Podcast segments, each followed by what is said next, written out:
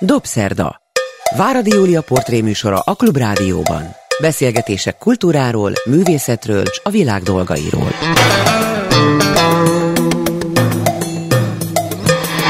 Jó estét kívánok, ez a Dobszerda, én Váradi Júlia vagyok. Jó napot kívánok azoknak, akik vasárnap délben az ismétlésben hallgatják a műsorunkat, vagy az interneten, bármikor. A mai vendégem Gazdag Péter, művész, író, drámaíró, költő, forgatókönyvíró, festőművész is, nyugodtan mondhatom, és most legújabban történelmi kérdésekkel is foglalkozik. Egy nagyon konkrét ügy foglalkoztatja őt, amiről mindenképpen beszélni fogunk ebben a műsorban. És azt is el kell mondanom, hogy Gazdag Péter az életének nagyobbik részét az Egyesült Államokban tölti Los Angelesben él főként, de mivel a szülei, akikről ugyancsak szót kell ejtenünk, Gazdag Gyula, híres magyar filmrendező, és Forgács Éva, ugyanilyen híres magyar művészettörténész, hosszú évek után visszaköltöztek Los Angelesből Európába, ezért gyakran van ezen a kontinensen is, sőt Magyarországon. Kezdjük azzal, nem tudom, hogy egyetértesz-e, ami téged most a legjobban foglalkoztat, ami nem írói, nem költői, nem festészeti kérdés, hanem konkrét történelmi. 1944. október közepi, a 15-ét 16-át, 17-ét érintő Magyarországi Budapesti esemény a Népszínház utcában, a Józsefvárosban, amikor is a kérdés az, hogy volt-e zsidó felkelés abból indulunk ki, hogy van, akik szerint igen, és van, akik szerint nem. Miért érdekelt téged ez a téma? Most miért kezdtél ezzel ennyire alaposan és intenzíven foglalkozni? Elég régen indult, hogy, és elég fokozatosan ez felmerül, de pont amiatt, amit mondtál, hogy az elég érdekes, hogy az vitatott lehet egyáltalán, hogy megtörtént egy ilyen egyébként egyértelműnek látszó dolog, tehát egy, egy nyílt felkerés, ez ugye elég nehezen titkolható vagy vitatható gondolná az ember, de ez a másik része a történetnek, hogy ennek a feldolgozatlansága az minek tudható be. Tulajdonképpen egy tizenvalahány éve még nyoma se volt ennek például az interneten. Tehát nekem nagymamám családja Népszent 47-ben lakott, és ez a Népszerz utcának azon a felén történt, és a nagybátyám volt az, aki tőle először hallottam, nem arra, hogy felkelés lett volna, csak hogy neki barátait ott nyilasok megölték, amikor, ami soha nem volt titok, az, hogy a kerület zsidóságát kihajtották ott a lóversenypályára a keletinél. A Tatterzálba, A Tatterzálba, őt is, ami most már egy, azt hiszem, egy van bevásárlóközpont. De ő megúszta. Igen, legtöbben azt megúszták, mert, mert egy pár nap múlva hazaengedték őket. De valaki, egy, azt hiszem, hogy egy nyilas parancsnok rájuk szólt, hogy mégse lőjék őket a Dunában, van leírva. Hát egyébként több hely, tehát nem, nem csak oda, hanem még a hetedik kerületbe is, meg Csengeri utcába, szóval több helyre terelték a környékbeli zsidókat akkor. Le, Válaszul oda. arra a feltételezett vagy valós felkelésre, lövöldözésre, fegyveres ellenállásra, amiről máig nem sikerült kideríteni pontosan, hogy valóban létezette, ha igen, akkor hogy történt, hogy kik kezdeményezték, milyen fegyverrel, és így tovább. Hát, tehát téged ez családi történetek alapján kezdett el érdekelni. Igen, és ez még elég rég.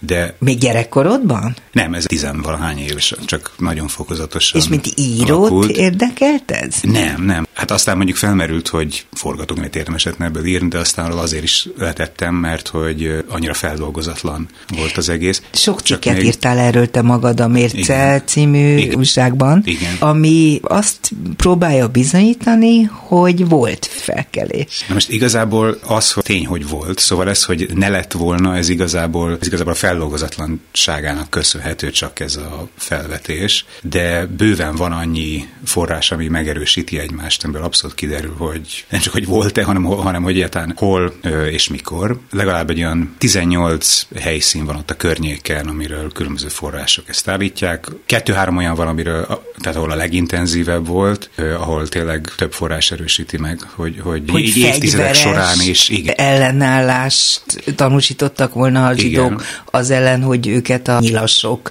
el akarták volna hurcolni. Tehát konkrétan a igen, te most kutatásaid szerint mi történhetett? Akkor most megpróbálom összefoglalni. Tehát ennek az Nehéz okokozati ügy. része, szóval rengeteg ilyen okokozati, alapvető okokozati része az nem bizonyítható vagy kimutatható. Mm-hmm. Tehát például az, hogy mi miatt történt, vagy ahogy mondtad, hogy a kerület zsidóságát azért terelték volna ki.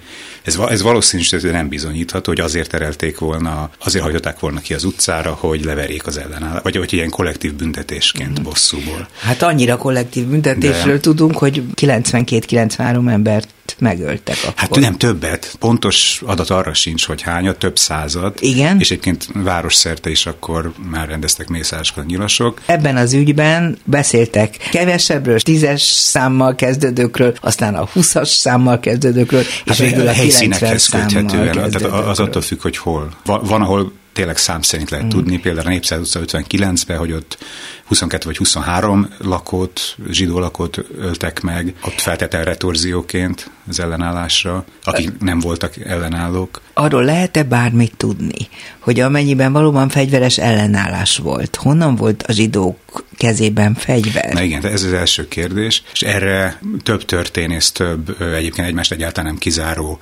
nem elméletet, hanem felvetést írt. Tehát például van, aki szerint munkaszolgálatos fegyverraktárokból szereztek munkaszolgálatosok fegyvereket, mások szerint a telekitérről, ahol ugye valóban ugye illegálisan kering, szóval forgalomba voltak lőfegyverek, mások szerint dezertőr náci katonák hagytak hátra fegyvereket. Mm-hmm. De az alapvető kérdés az az, hogy ekkora spontán, ilyen terjedelmű és térben és időben nagy terjedelmű felkerés, hogy ö, történtett meg, mert ez valóban elég sok és sok fajta fegyver kellett. És ami tény az az, hogy más nem mondjak például, tehát a fegyveres ellenállók száma is számít, amiről például azt tudunk, hogy, a, hogy ez egy három napig tartó felkelés volt, és egyedül a harmadik napján, október 17-én az egyik zsidókat kivégző nyilas vallomása szerint ő egy 73 fegyveres ellenállót kivégző osztakhoz volt beosztva. Tehát, tehát konkrétan így hangzott, hogy ellenállókat kivégző hát, osztag. fegyveres, fegyveres Most ellenállókat. Fegyveres tehát, hogy legalább... osztag létezett, akkor fegyveres ellenállóknak is kellett létezni. Ja, ne, persze. Hogy lehet, hogy azt a nagyon nagy kérdést, ami a holokauszt óta foglalkoztat nagyon sokunkat, hogy a zsidóság mennyire hagyta magát birkaként bele tolni ebbe a szörnyűségbe, és nem volt ellenállás, a varsói felkelés volt az egyetlen, amiről úgy igazán tudunk, és részleteket, és pontosan lehetett követni, hogy mi történt, hogy semmi hasonlóról, vagy csak nagyon kevés hasonlóról lehetett hallani, egészen az utóbbi évekig. Tehát ha tényleg ez megtörtént, akkor hogy lehet, hogy ez nem került napvilágra jóval korábban? Ennek is sok oka van. Egyrészt az, hogy tulajdonképp a digitális adatbázisok nélkül ez a mai napig is szinte feldolgozhatatlan lenne. Ugye évtizedek során így tényleg csak elszórva és nagyon ilyen mondatokba vagy tagmondatokba említik legkülönbözőbb forrásokba uh-huh. a felkelést, de de hát mondjuk, hogy más nem, például az Arkánumban úgy lehet rákeresni ugye kereső szavakkal ennek a részleteire, hogy máshogy nem lehetne, hogyha az ember nem tudja, hogy hol keresse. Tehát ugye nem nagyon volt Magyarországon 44-be, hát olyan sajtó, ami nem nyilas sajtó Igen. lett volna. Persze, tehát információ Igen. az nem volt. Ill- illetve akik írtak az ellenállásról, tehát korabeli újságírók, azok ilyen mocskolódó nyilas cikkek voltak, tehát a legtöbb 44 ilyes cikk az ellenállásról a Marosvásárhelyi szabadszóban jelent meg. Hm. És még csak nem is októberben, hanem novemberben és decemberben. Hm. Itt van a cikk, szerintem érdemes felolvasnod. A következő szövegrész a Marosvásárhelyi Szabad Szó című lap 1944. november 22-i számának egy cikkéből idézett, melynek címe Szemtanú elbeszélése Budapest népének véres felkeléséről a nácik ellen, kézigránáttal, revolverrel a német tankok ellen. A szemtanú, aki velem szemben ül, fiatal, 20 éves fiú, K.A. részt vett a munkásmozgalomban, megjárta a munkatábort, megszökött, átélte Budapesten a szálasiféle német Bérenc bandita kormány első rémtetteit, újból kényszermunkára vitték. Október 13-án megszöktem Bajáról a munkásszázadtól Pestre családomhoz. Két nappal később, október 15-én a budapesti rádióban elhangzott Horti kiáltványa, melyben kijelenti, hogy fegyverszünetet kér. Barátaimtól, elvtársaimtól megtudom, hogy a nyilasok felkelésre készülnek. Andrási út 60 alatti székházukban géppisztolyokat, kézigránátokat osztanak szét, persze csak megbízható híveiknek. A jelszó, amelyre a fegyvert adják, Viktória. Akiket össze tudunk szedni, oda megyünk, mi is kapunk fegyvert. Azt a Magdolna utca egyik házában, a házmesternél rejtjük el egyelőre. A házmester munkás, fia csak azt kéri, adjunk neki is fegyvert. Másnap reggel, a Népszínház utcában lakom, a Tisza Kálmán tér felől fegyverropogást hallani. Kilenc órakor a mi utcánkban is dörrenek a revolverek, robbannak a kézikránátok. Két sarokkal odébb, az Eldorado mozi van a házban, valóságos ostrom a házat fegyverrel védő munkások ellen. A nyilasok az első lövésre szétszaladnak, most német katonaság vonul fel. A ház órákon át tartja magát, revolverrel, kézigránáttal, benzines üveggel harcolnak a munkások a géppuskákat felvonultató, sokszoros túlerőben lévő németek ellen. A körült felül megjelenik egy tigristank, mely ágyúval lövi a rögtönzött barikádot. A körúton német tankok dübörögnek, még harcoló városrészek felé. A külvárosok munkásai a gyárakban barikádozzák el magukat, szétverik a nyilasok úgynevezett rendvédő fegyveres alakulatait, és ha csak a nyilasokkal kellene leszámolni, hamar eldőlne a harc. De a nyilasok megmentésére felvonul a német haderő. Akik harcolnak, aránylag kevesen vannak, nagyrészt 18 évnél fiatalabb gyerekek és 56 év fölötti öregek, a többiek katonák vagy munkatáborban vannak.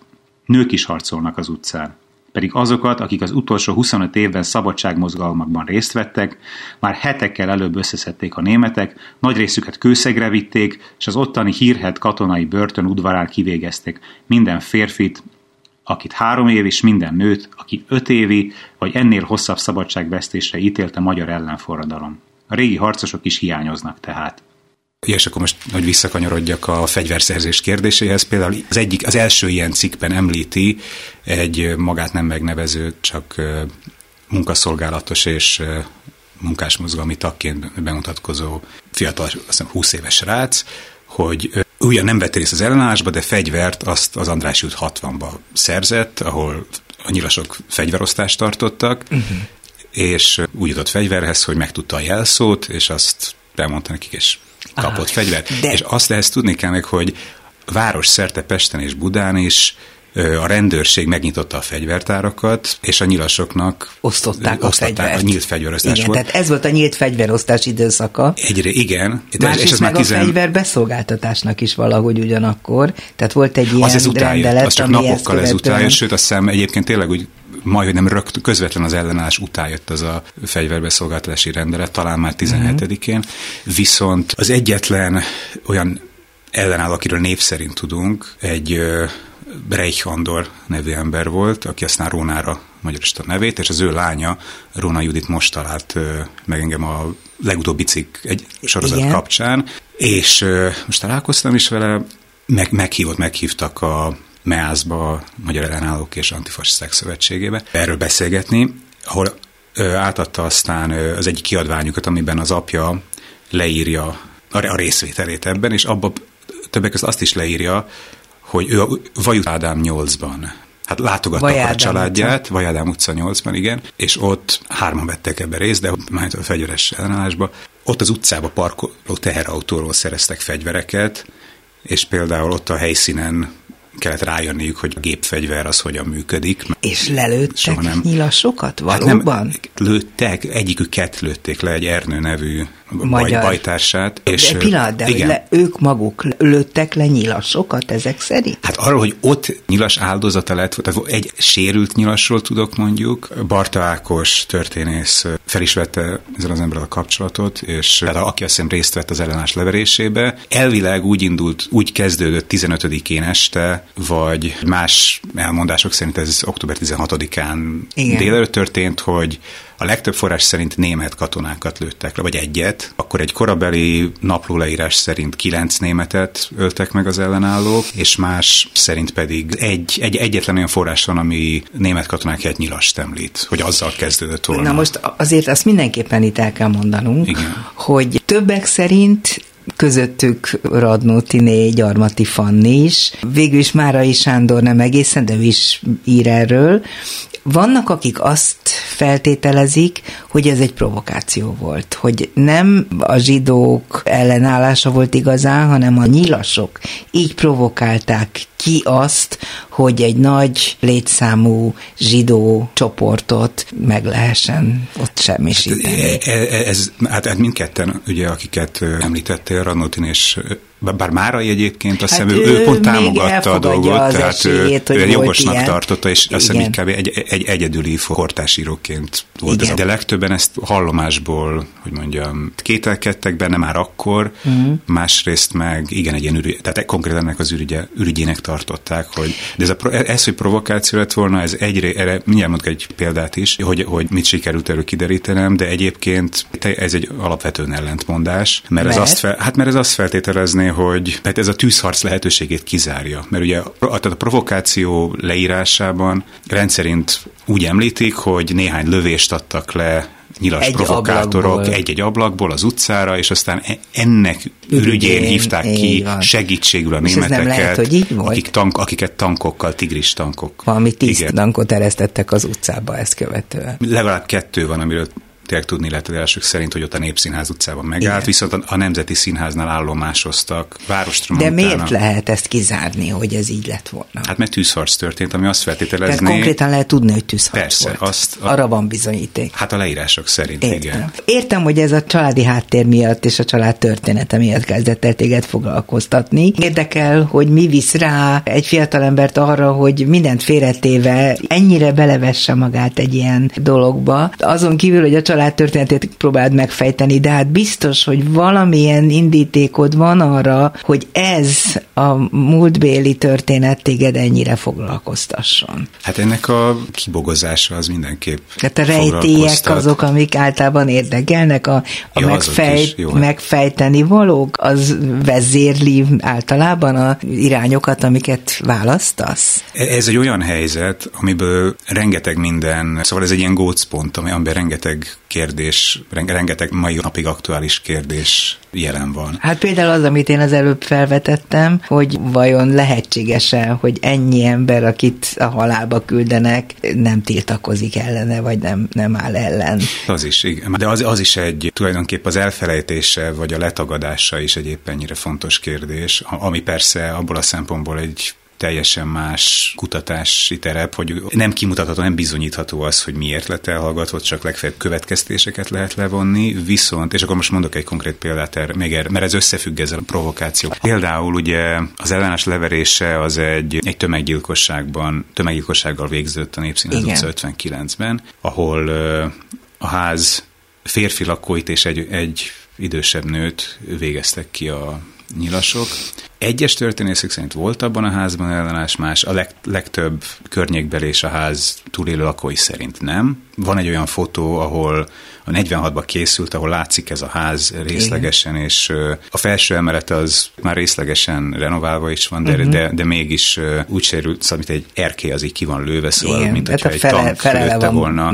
Le van ott Igen. bombázva. Na most, hogy és persze még ha a, a, nem bombál, épp, épp ez azt jelenti, hogy tanklövésnek Tanklövés. látszik, mert ez abban a kereszteződésben volt, ahol egyébként a tankok, a szemközti házat például, tehát a, a Kunutca 12-t azt hiszem azt emeletet lőttek. Helyi lakók szerint is ott egy lakást azt mondja, kilőttek. Szóval a lényeg az, hogy a legtöbb lakó abban a házban a légó parancsnokra, tehát a légótalmi parancsnokra, egy bizonyos Molnár Lajosra okta az ellenes, szóval őt látották provokációval, hogy ők előző nap kilőtt volna a ház ablakából, és ezért igen. 16 és ezért másnap 16 tartottak volna egy tömegkivégzést. Na most Gazsi József hadtörténész azt írja, egyébként azt hiszem a mai napig publikálatlan kandidátus értekezésében, hogy egy nyomozás ezt megállapította, hogy, hogy igen, ő kilőtt abból az ablakból. Na most önmagában is egy kicsit abszurd történet, hogy egyrészt ugye tűzharc zajlott tehát az, hogy most egy, egy ablakból egy valaki kilő.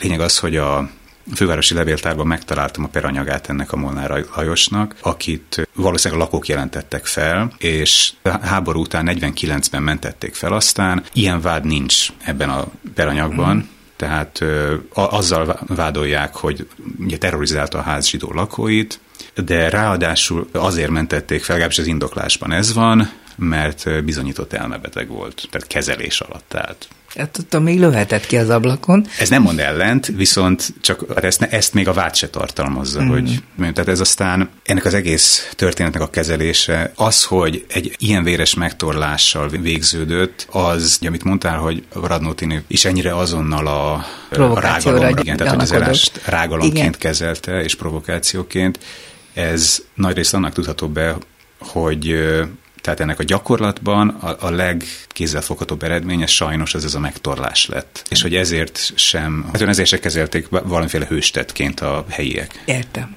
Lezáratlan történet máig, milyen őrület, hogy 80 év után is bizonytalanok vagyunk abban, hogy mi történt. Tehát kinyomozható, összerakható, rengeteg forrás van azért. Meddig akarsz még ezzel Apránként. foglalkozni, amíg a biztos választ meg nem kapod?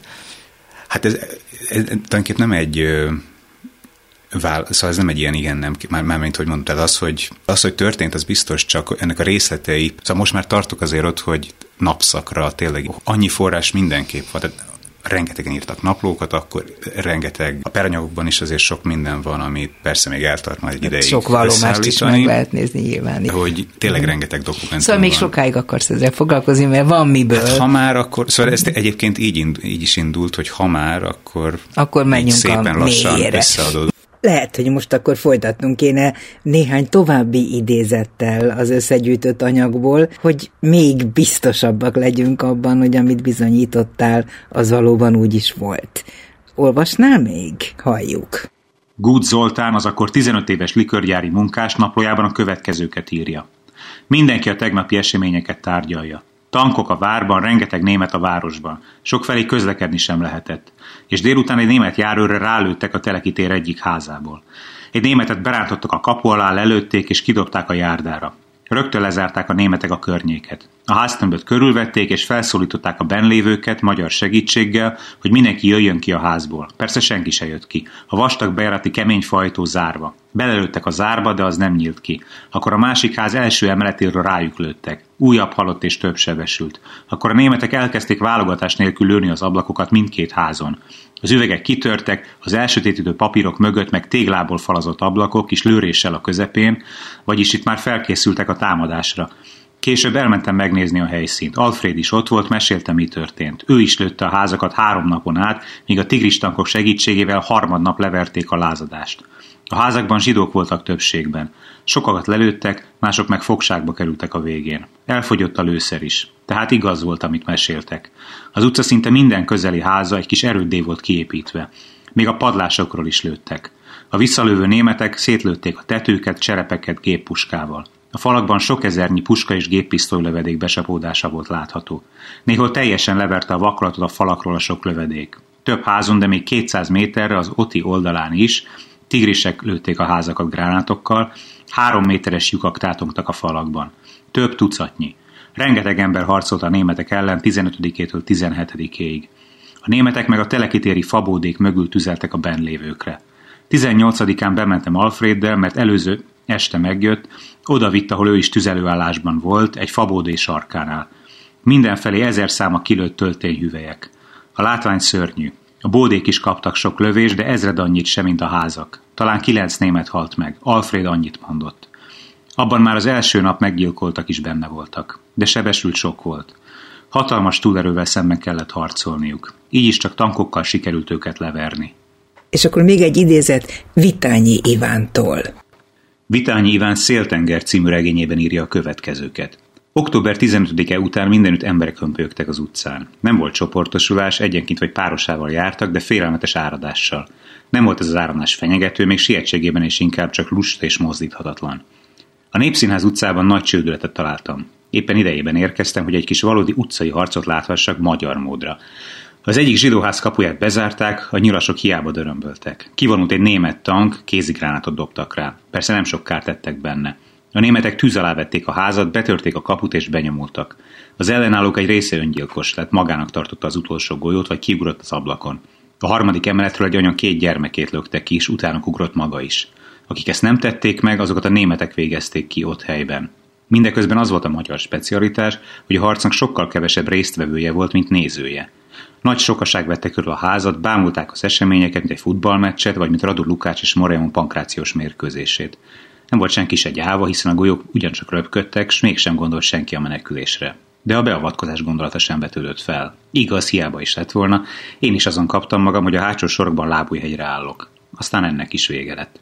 A gyilkosság és a vér ízével számban álltam tovább. Mindennel így vagy egyébként, hogy ennyire alaposan szoktál hozzányúlni azokhoz a Igen, dolgokhoz, amelyek egyébként. érdekelnek? Mi minden érdekelt az életed során? Tehát az, hogy ennyiféle művészeti ággal, irodalmi műfajjal foglalkoztál, minek volt köszönhető? Hát ebbe jó belekérdeztél most.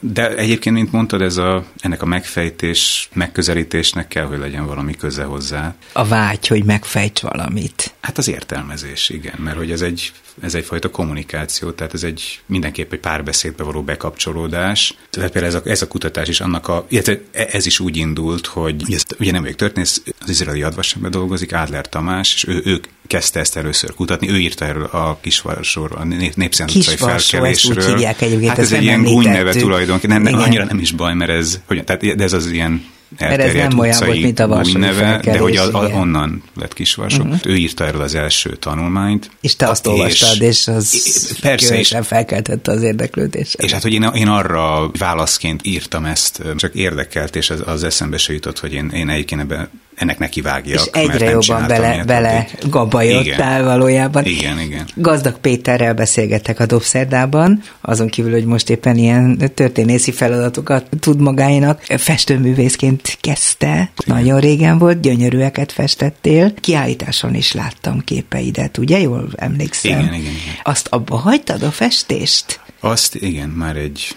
több mint tíz éve. Miért kezdted, és miért hagytad abba? Kezdeni azért kezdtem, mert, mert abba is belegabajodtam, mármint, hogy tehát az is mondjuk figurális, tehát embercentrikus munka volt, tehát az emberek érdekeltek, és azt, tehát embereket rajzoltam, és aztán festettem, és emberi helyzeteket. Ott is az érdekelt, hogy egy emberi helyzetet hogyan lehet összefoglalni, mondjuk így a lehető legfrappánsabban kép, képbe.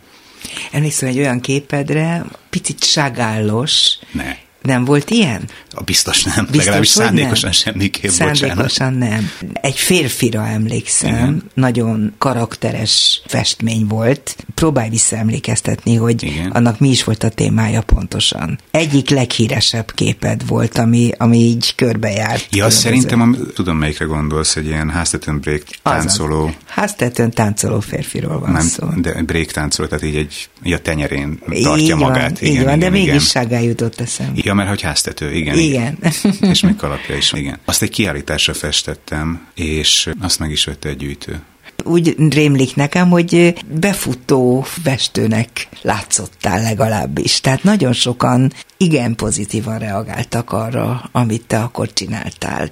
Te nem voltál megelégedve saját magaddal, vagy egyszerűen meguntad, és azért hagytad Ja, abba? nem, hát Hát ezt nem tudom, men- mennyire még lettem volna épp befutó félben, az tovább tart Kiállítás, mindenképp, igen. ö, hát meg, pár kiállítás megvétel, volt, igen. azért az azt jelzi, hogy Egy gyűjtőm tudtál volt, igen. valamit. Minden esetre csak egy ponton túl mondjuk például a műterem még a gyűjtővel együtt is fenntarthatatlannak bizonyult, tehát ennek ez a uh-huh. része is megvan, hogy az Tehát lehet, egy hogy ilyen egyszerű, hogy nem tudtad volna föntartani az életedet abból, Hát hogy festőművészként tengeted. Ami nem annyira ritka helyzet, igen. Hát nem, és íróként. Mikor kezdtél el írni? Hát azt régebben, Gyerekkorban? igen, Miféleket színházi társulatokkal is dolgoztam, meg még tévénél is is, igen, igen, igen. Hát először akkor, ugye, amikor elkezdtél írni, akkor versekkel kezdted? Nem, prózával. Milyen típusú próza volt az? Hát csak- Novellák? Igen, történetek. Valaki mondta is, hogy tűnik, hogy ehhez neked van képességed, tehetséged. Tehát mikor döbbentettek rá téged, vagy te magadat, hogy az íráshoz igen jó érzéked van.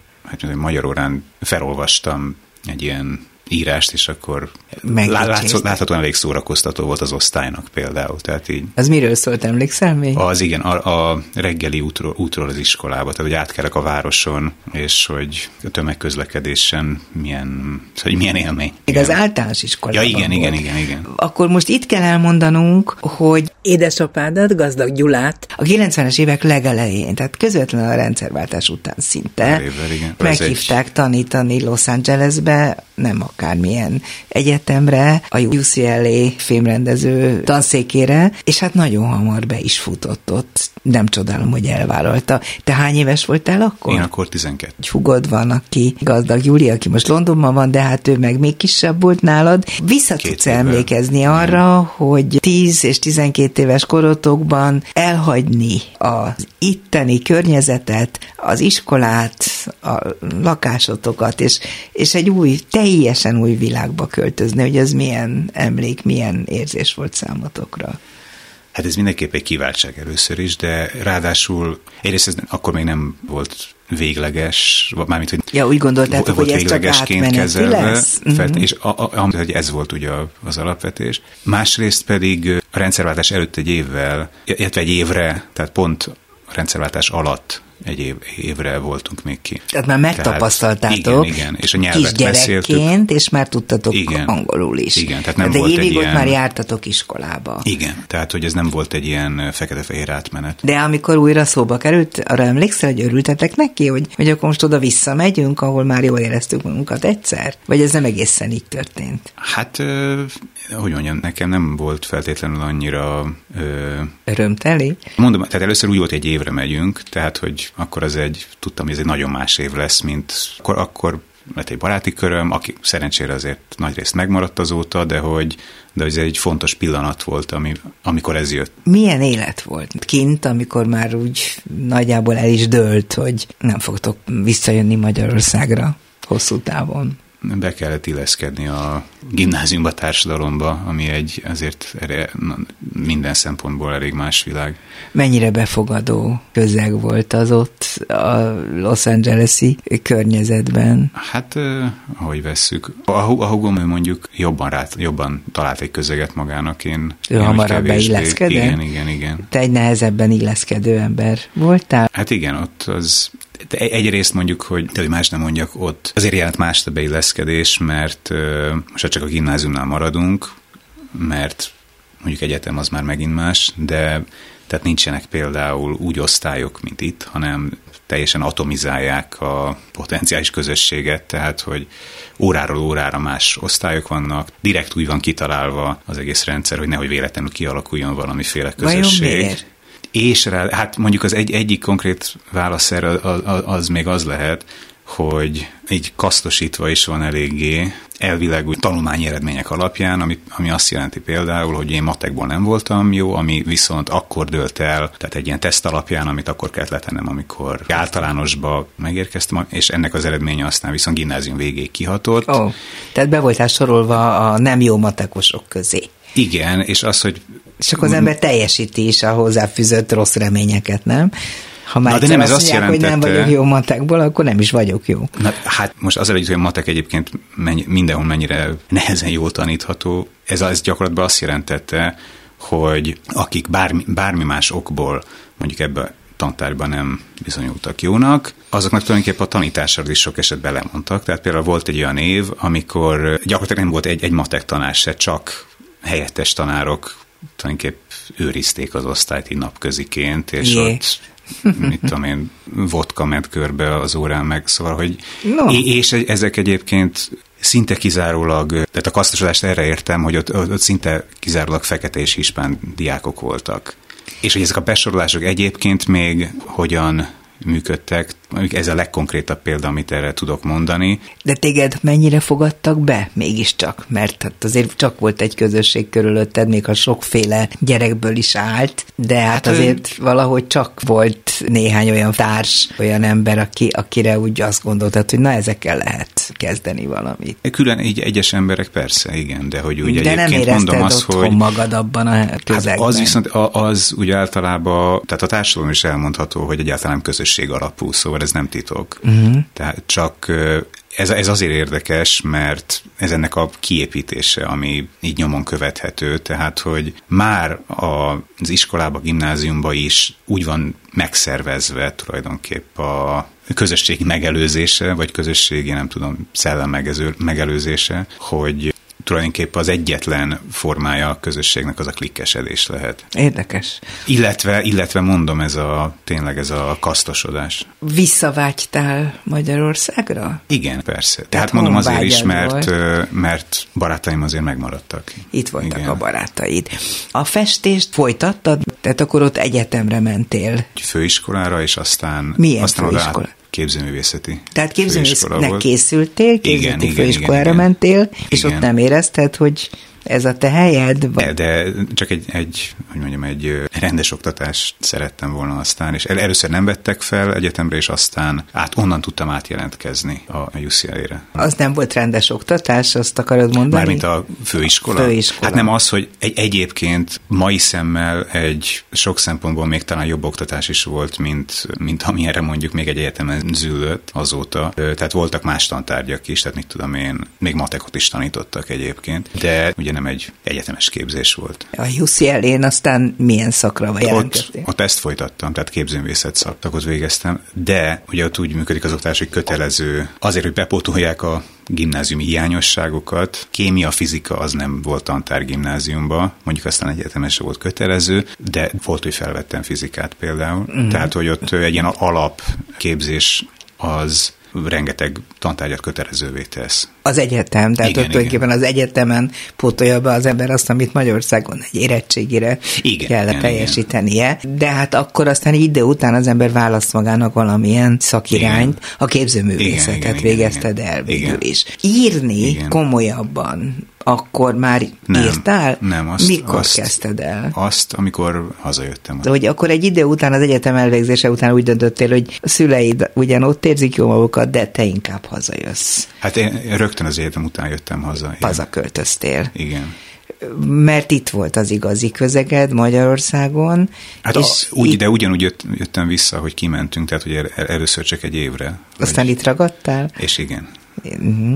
Az, hogy most megint Los Angelesben élsz, az egy következő etapja az életnek, igen. de amikor visszajöttél, akkor kezdtél el írni. Igen, végül is úgy, hogy igen. Először a színház nevű labban jelentettem meg darabokat. Annyira, hogy Petri díjat is kaptál. Igen ami Igen. egy nagyon komoly elismerés, azt költészetre szokták adni. De én drámaírásra. Igen. De drámaírásra kaptál Petri Igen. díjat. Melyik drámádra? Az Ilonára? Nem, nem, egy nem, nem. Ez egy, nem, sőt, ez egy egyébként verses dráma volt, amit még azelőtt írtam, hogy visszamentem volna. Mi a címe? Ostrom labirintus. Picit magyarázd el, hogy mit jelent ez, hogy ostrom labirintus?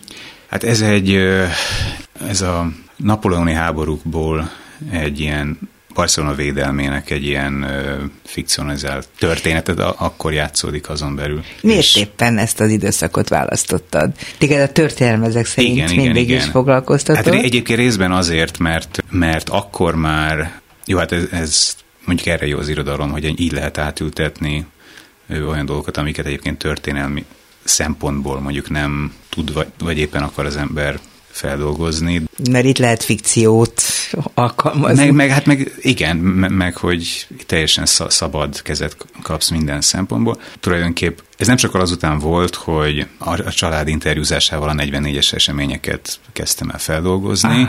összeírni mindenfélét, és mármint hogy, illetve az interjúkat így rendszerezni. Tehát, tehát elkezdtél a családban kérdezősködni igen, a igen, múltról. Igen ebből Most ennek a darabnak ez ugye nyilván semmi köze, csak onnan jött ez a koncepció és történet, hogy, hogy valahogy segítsen ezt tulajdonképpen így feldolgozni. Mert azt mértem fel akkor, hogy ilyen rengeteg szempontból művészileg feldolgozhatatlan helyzet és történetet, mint holokauszt, hogy egyébként háború is, hogyan, milyen, milyen körülmények között lehet még, szóval hol, hol lehet ennek határokat szabni egy történet kereteibe belül. Tehát tényleg, hogy hol végződik az, hol, hol kezdődik, hol végződik. Na de hogy kerül keveredett ide a napoleoni háború? Az ostrom helyzet Aha. révén. És hogy erre egyébként meg tényleg nincs jó válasz. Tehát, hogy nagy, nagyon kis haladszik e, ebből, hogy erről beszélek, hogy, hogy nem tartom azt egy feltétlenül sikeres Mégis darabnak. díjazták, méghozzá nagyon komolyan.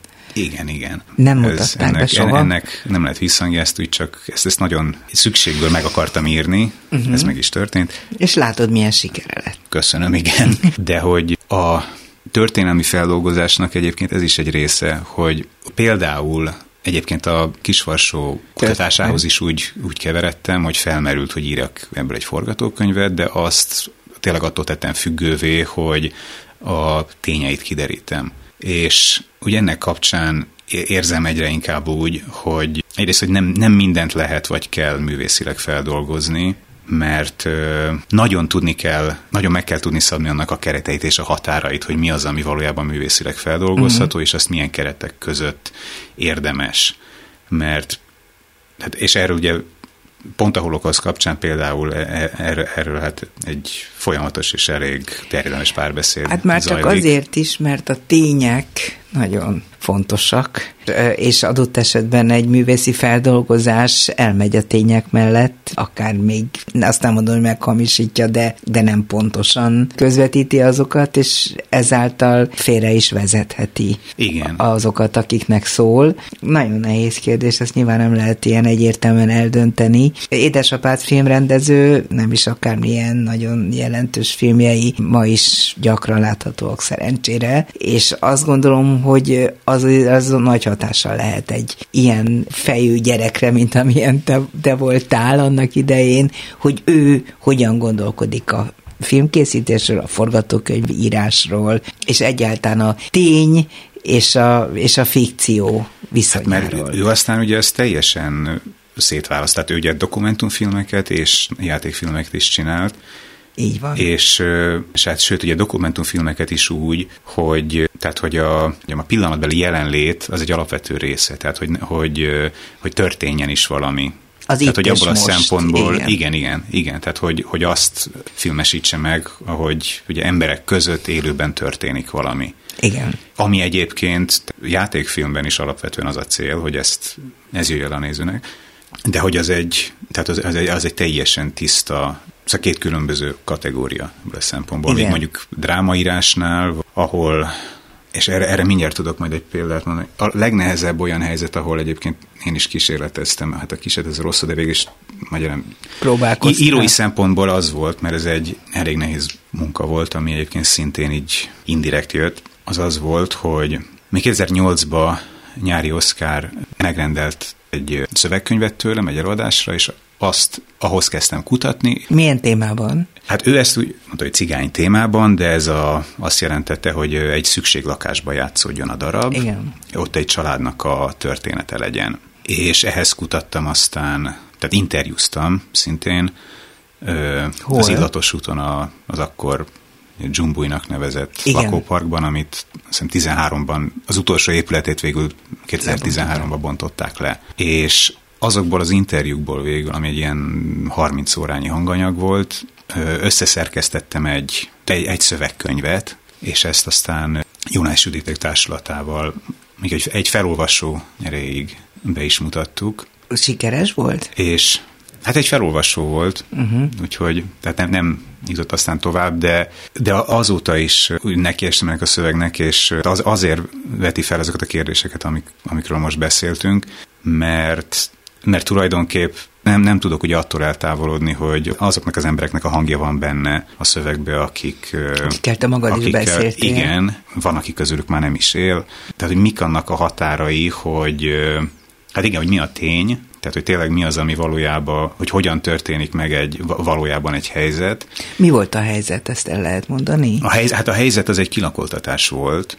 Abba is hagytam az interjúzást egy ponton, mert, mert mert szóval Megrázó, úgy éreztem... Hogy nem lehet belem vájni ennyire mélyen egy igen, drám, hogy, hogy drámába? Ez, igen, de, de aztán pont egyébként a kilakotás napján hívott oda a családanya, hogy szeretnem hogy, hogy, hogy folytassam valamit. a munkát, hogy fejezzem be a munkát tulajdonképpen. És be igen. is fejezted ott a És munkát? igen, igen. Egy, egyébként akkor ők még csak a szomszéd lakásba költöztek át. Ez, ez sok esetben megtörtént, hogy egyik mm. lakásból kilakoltattak valakit, akkor az, vagy befogadták egy szomszéd másikba, egy, vagy egy másik emeleten. Mi a címe ennek a darabodnak? Indul a dzsumbúj.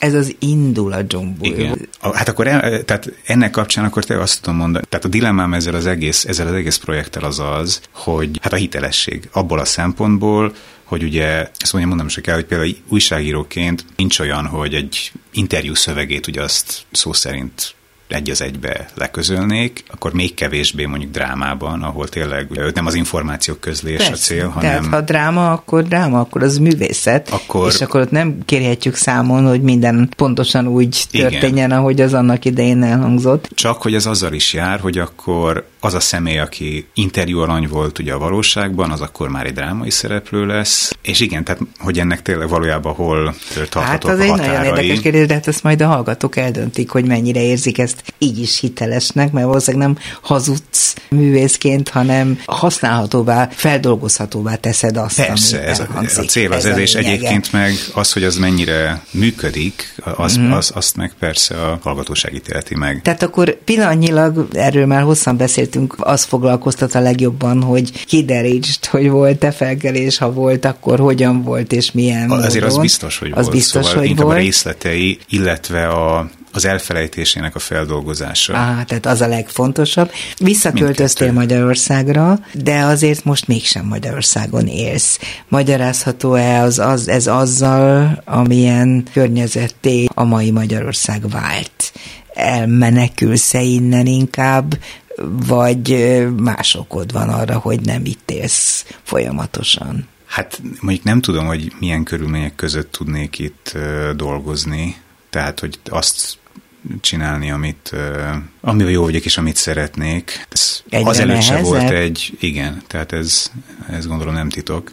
De hát most több mindennel próbálkozom még így is. Például? Ugye például ezt a kutatást például egy könyvformában azért tető alá szeretném Jó, hozni. de a kérdésemre a válasz, Igen. hogy Magyarországon, ahova visszaköltöztél, és mégis elmentél innen, olyasmit éltél át, vagy élsz át folyamatosan, amiből úgy érzed, hogy menekülni kell? Hát amikor itt vagyok, akkor nem, de hogy ez, nem, ez magában nem mond sokat. Tehát ez a válaszom erre tényleg, hogy tehát hogyha lenne olyan helyzet, amiben szakmailag mondjuk meg tudnám itt találni a helyemet, az, az nyilván azért az nem lenne másodlagos. Tenni. Igen. Uh-huh. De, de hogy, nem, de és, és például filmterületen ugye ez, ez azért eléggé mert hogy te filmet szeretnék igen, készíteni. Igen, igen, ez alapvetően, a igen. Mostani hát, ugye forgatókönyvírással foglalkozom egyébként, úgyhogy... De szeretné rendezni is? Igen, igen. Apukád nyomdokaiba lépnél igen. a szíved szerint. Igen. Van erre azért esélyed? Már hogy itt vagy egyébként. Nem, egyébként. Tehát ha mondjuk visszamegy Los Angelesbe, ahol most élsz, akkor ott több esélyed van? Hát lekopogom, de valószínűleg abban az értelemben, hogy a verseny az ott ugye nagyobb, de a lehetőség is több, de mondjuk ahhoz képest, hát ahhoz képest, hogy ugye jelenleg Magyarországon hol tart a filmszakma, mindenképp. Röviden ez a válasz, tehát igen. Konkrétan van valami film, amire készülsz? Hát van, igen, van, de... De, de ezt most nem mondod el, hogy mi. Hát még a jelenlegi stádiumban még még erről, igen. Még inkább legyen Még babonából titkos. sem. Babonából igen. sem.